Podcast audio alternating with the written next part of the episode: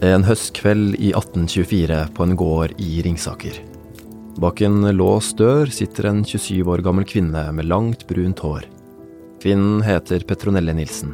Hun skal snart legge seg, men hun vet at hun ikke får sove før hun har betrodd seg til dagboken sin om det som vekker så sterke følelser i henne. Men det hun skal skrive er så uhørt at hun må sørge for at ingen noen gang får lese det. Du hører på Skeiv og stolt, en podkastserie fra Nasjonalbiblioteket med Carl Martin Eggesbø. Dette er episode to om Petronelle Nilsen.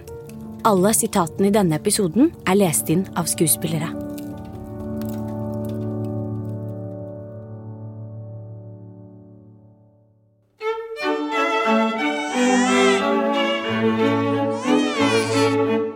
27 år tidligere hørtes et livlig og friskt hyl inne på gården til ekteparet Ole og Anne Nilsen på Ringsaker. De hadde akkurat blitt foreldre til en datter, og snart ringte kirkeklokkene inn til dåp i Ringsaker kirke. Den lille jentungen fikk navnet Petronelle, men de fleste kalte henne bare Nella. Ole, faren til Petronelle, var kjent for å være flink til mye. Han var utdannet kunstmaler fra København, men da Petronelle ble født, hadde han fått seg en godt betalt jobb som lensmann. Familien eide en flott gård på Stolpestad i Ringsaker, og der løp Petronelle rundt på tunet sammen med søsknene sine.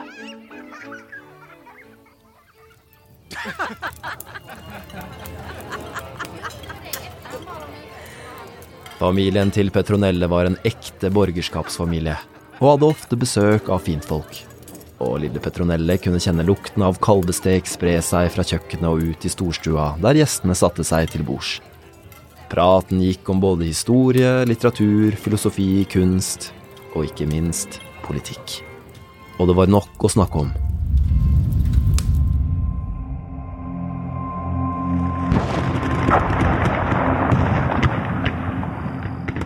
På begynnelsen av 1800-tallet herjet napoleonskrigene kontinentet. Og krigen fikk også konsekvenser for Norge. Langs norskekysten lå det britiske krigsskip som hindret båter med korn i å nå fram til sultne nordmenn. Og folk skar bark av trærne til barkebrød for å overleve.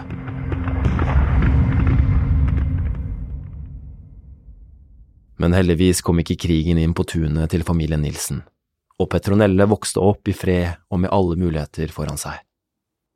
Men så begynte voksenlivet.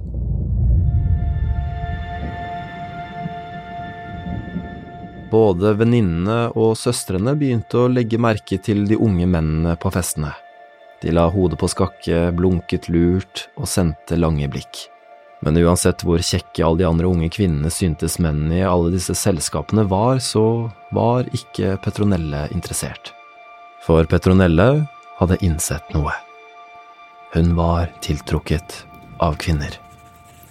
De salige dager jeg har nytt ved deres side, vil aldri mer opprinne for meg. Maken til dem vil jeg aldri i livet kunne finne. Utømmelig er det stoffet jeg synes å ha å tolke om disse dyrebare, som skjenker meg så mangen jordisk glede. Petronelle skjønte at det var denne typen kjærlighet hun ville leve ut. Et evigvarende vennskap med en venninne.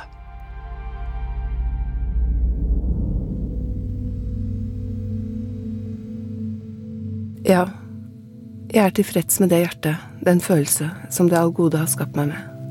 Jeg vet det er Guds vise hensikt til det gode, om det enn ofte er smertelig. Men å kunne leve ut disse følelsene og drømmene var ikke lett. For likekjønnede forhold var noe som var uhørt og forbudt, og loven var klar. Omgjengelse som er imot naturen skal straffes med bål og brann. Nysgjerrigheten, spenningen og begjæret som hun kjente bruse i kroppen, var en viktig del av henne. Så godt som hver dag fantaserte hun om å danne et evigvarende vennskap med en venninne. Petronelle fikk stadig nære venninner som hun betrodde seg om i den hemmelige dagboken sin, og venninnene vekket sterke følelser i henne.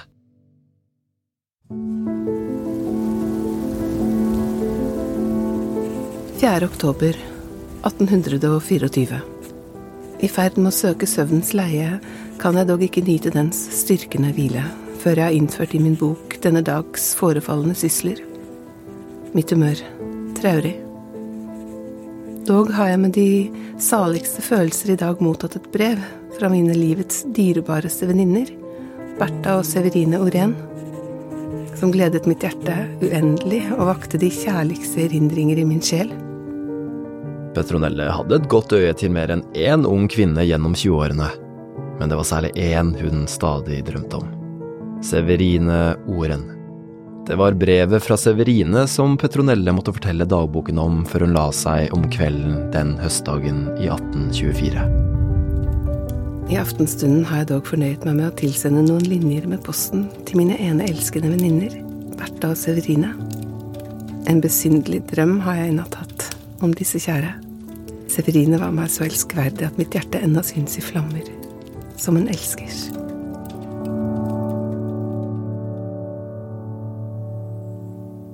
Severine forsto liksom så godt hvem Petronelle var, og hva hun drømte om. Og Petronelles store frykt var å bli skilt fra Severine og de andre unge kvinnene som hun følte så sterkt for. Men tre år etter Petronelles lidenskapelige drøm skjedde det hun fryktet. Severine giftet seg.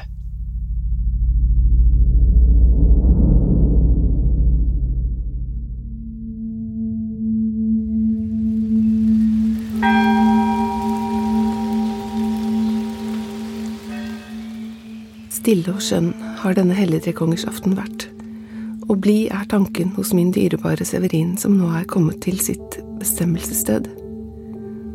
Jeg kan ikke annet enn å tenke på min venninne, som så tro bor i mitt hjerte.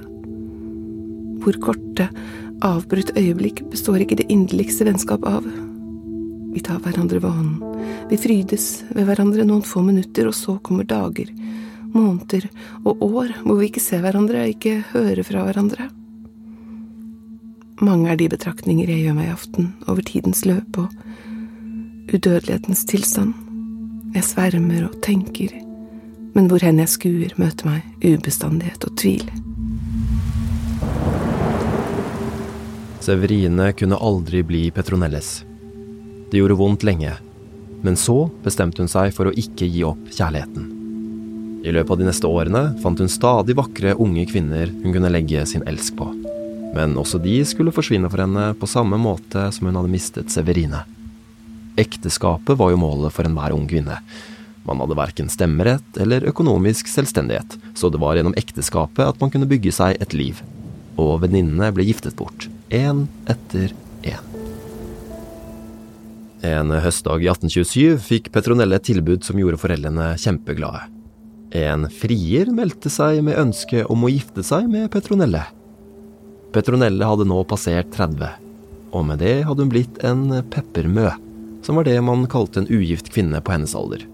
Det eneste alternativet for en som ikke giftet seg, var å hjelpe til på gården, eller kanskje bli guvernante. Men Petronelle greide ikke gi opp drømmen om å bo med en kjær venninne i sitt eget hus. Og til alles skuffelse sa Petronelle nei.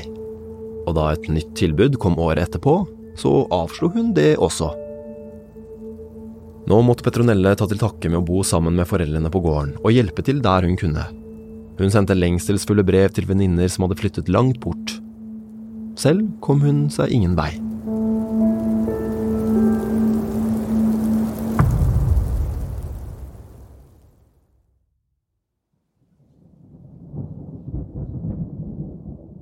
Men Petronelle hadde ikke tenkt til å akseptere denne skjebnen. Hun lengtet etter frihet, og en drøm tok form i hodet hennes. Gid tiden kunne oppfylle mitt ønske å bringe meg i nærheten av Kristiania. Eiet jeg en bolig her, da ville jeg i nærheten av min uforglemmelige smake livet i sin beste fylde. Hun hadde aldri vært i Kristiania, men hun kjente flere som bodde der. Og nå var det på høy tid å besøke hovedstaden for å se hvilke muligheter som fantes. Så hun pakket sakene sine og reiste.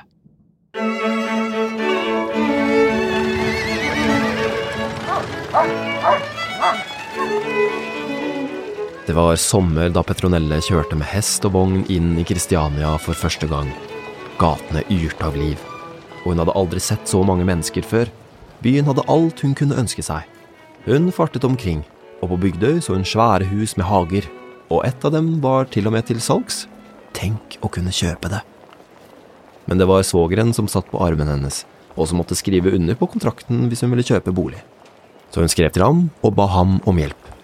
Fra Oren mottok jeg med bedrøvelsesbrev om at han ikke kan komme. Altså later det til at han er likegyldig med hva mitt lengselsfulle hjerte higer etter, og ikke føler hva min sjel lider ved fremtidsutsiktene. Meget traurig. Hun fikk verken tilgang på armen sin eller hjelp til å skrive under på et kjøp. Det er som at alt jeg gleder meg ved livet, alltid forandrer seg til smerte for meg. Men selv om hun måtte reise hjem igjen uten en kontrakt i lomma, så nektet Petronelle å gi opp. Nå var hun lei av å være avhengig av en mann for å få gjort det hun ville. Hun bestemte seg for å ta saken i egne hender for å få friheten hun ønsket seg.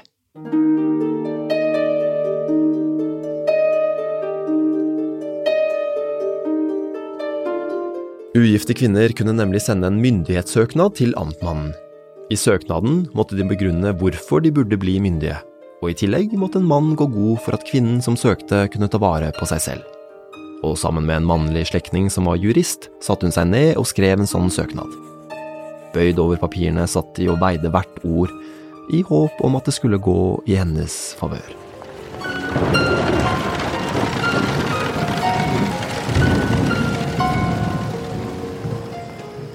Det varte og rakk, og etter flere måneder hadde hun fortsatt ikke hørt noe. Men en vakker vårdag, mens hun var på besøk i Kristiania, så mottok hun en gladnyhet. Søknaden hennes hadde blitt innvilget, og hun var endelig myndig.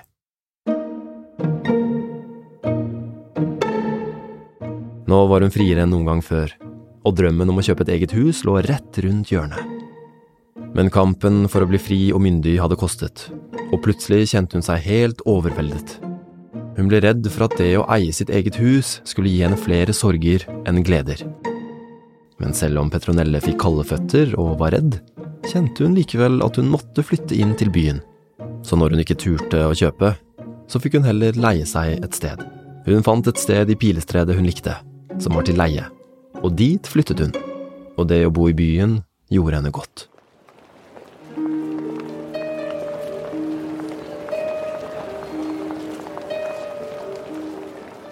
Og det tok ikke lang tid før livet ble enda lysere. For da hun hadde kommet i midten av 30-årene, traff hun en helt spesiell person. Den ti år yngre Dorthea Bretmann, som var datter av en metallstøper. Det slo gnister. Offisielt var Dorthea Petronelles hushjelp, men i virkeligheten var de et par. De skrev gjensidige testamenter og delte både gleder og sorger. Bylivet var deilig, selv om Petronelle også tok turen hjem til familien i ny og ne. Hun kjente seg tryggere og gikk sine egne veier. Hun fartet omkring som fotturist i Norge, og etter hvert tok hun skrittet enda lenger.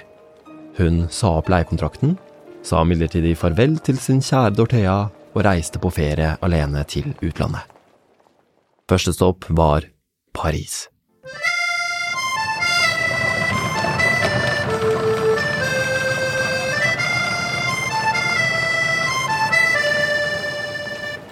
Om aftenen er det smukt i Rue de Rivoli. Paris er rikt på alt som skildrer ganen, forlyster øyet og gleder sjelen. Når man blott kan nyte alt med fornuft, en god helbred og et fornøyet sinn som ikke trykkes av sorg og lidenskap. I Paris besøkte Petronelle niesen sin. Petronelle hadde aldri sett så vakker arkitektur før. Høye, gulhvite bygninger med små jerngitter foran vinduene, søyleganger og gipsornamenter og store offentlige plasser. Hun utforsket det meste som Paris hadde å by på. Hun styrte sin egen skjebne og levde et liv som gifte kvinner bare kunne drømme om. Selv om hun fikk litt hjemlengsel innimellom, så var det en fantastisk opplevelse for henne å se alt dette nye og ukjente.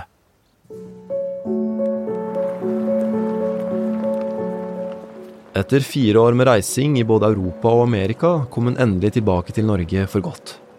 Der ventet hennes kjære Dorthea, og de bodde sammen en vinter på gården der hvor Petronelle kom fra. Og nå kjente Petronelle at lysten til å kjøpe et eget hjem kom tilbake for fullt. Hun var ikke redd lenger, men ett krav hadde hun fortsatt. Det måtte være i Kristiania. Jeg lengtes til det kjære Kristiania, hvor jeg dog kan leve blant mennesker som forstår meg. Gud gi det en gang må skje.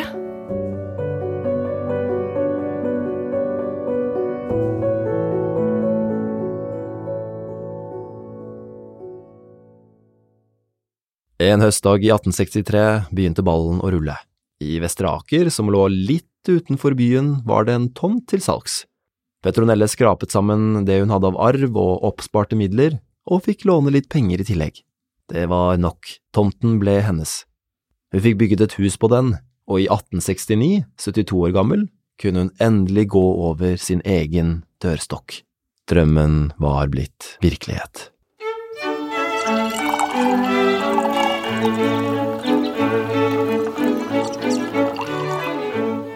Det var en flott treetasjers villa, med stor veranda på forsiden. Og i hagen kunne man høre fuglekvitter fra trærne, og lyden av humler som fløy mot blomsterbedet om sommeren. Kjæresteparet dro på turer sammen i skog og mark, og besøkte kusiner som tok dem hjertelig imot. Petronelle gikk inn i livets høst. Hun kjente på en lykke over alt hun hadde fått til, og som så ofte før følte hun et behov for å sette seg til med penn og papir og skrive ned følelsene sine. Jeg selv, Petronelle Nilsen, er født 15. mars 1797, er nå 79 år gammel og har levd til dels et beveget liv.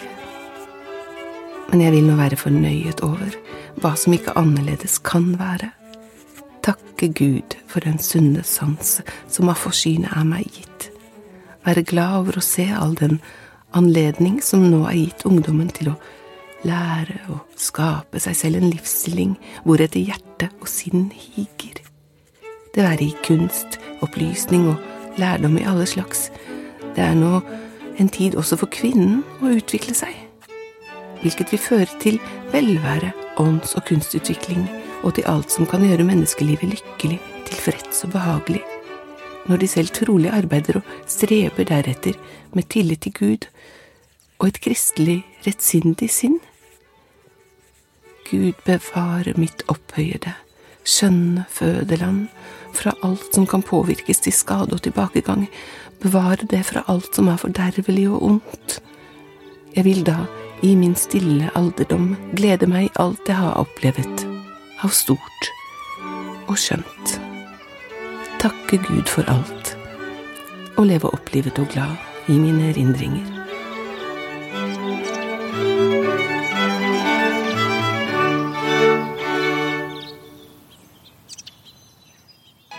Du har hørt en episode av Skeiv og stolt, en podkastserie fra Nasjonalbiblioteket. I neste episode får du høre historien om Åsmund Sveen. Åsmund skrev nå på det han håpet skulle bli hans tredje bok. Og denne gangen var det ikke noen diktbok, men en roman. Og den handlet om det samme som noen av diktene hans hadde handlet om, nemlig homofil kjærlighet. Og denne gangen la han ikke noe imellom. Det var Carl Martin Eggesbø som fortalte historien. Skuespillere var Anna Haukeland og Pål Eggen. Episoden er laget av Lars Hamren Risberg, Emmy Henriette Netka, Lars Haga Råvann, Live Fedele Nilsen og Ragna Nordenborg. Konsulent på episoden var Berit Hedemann.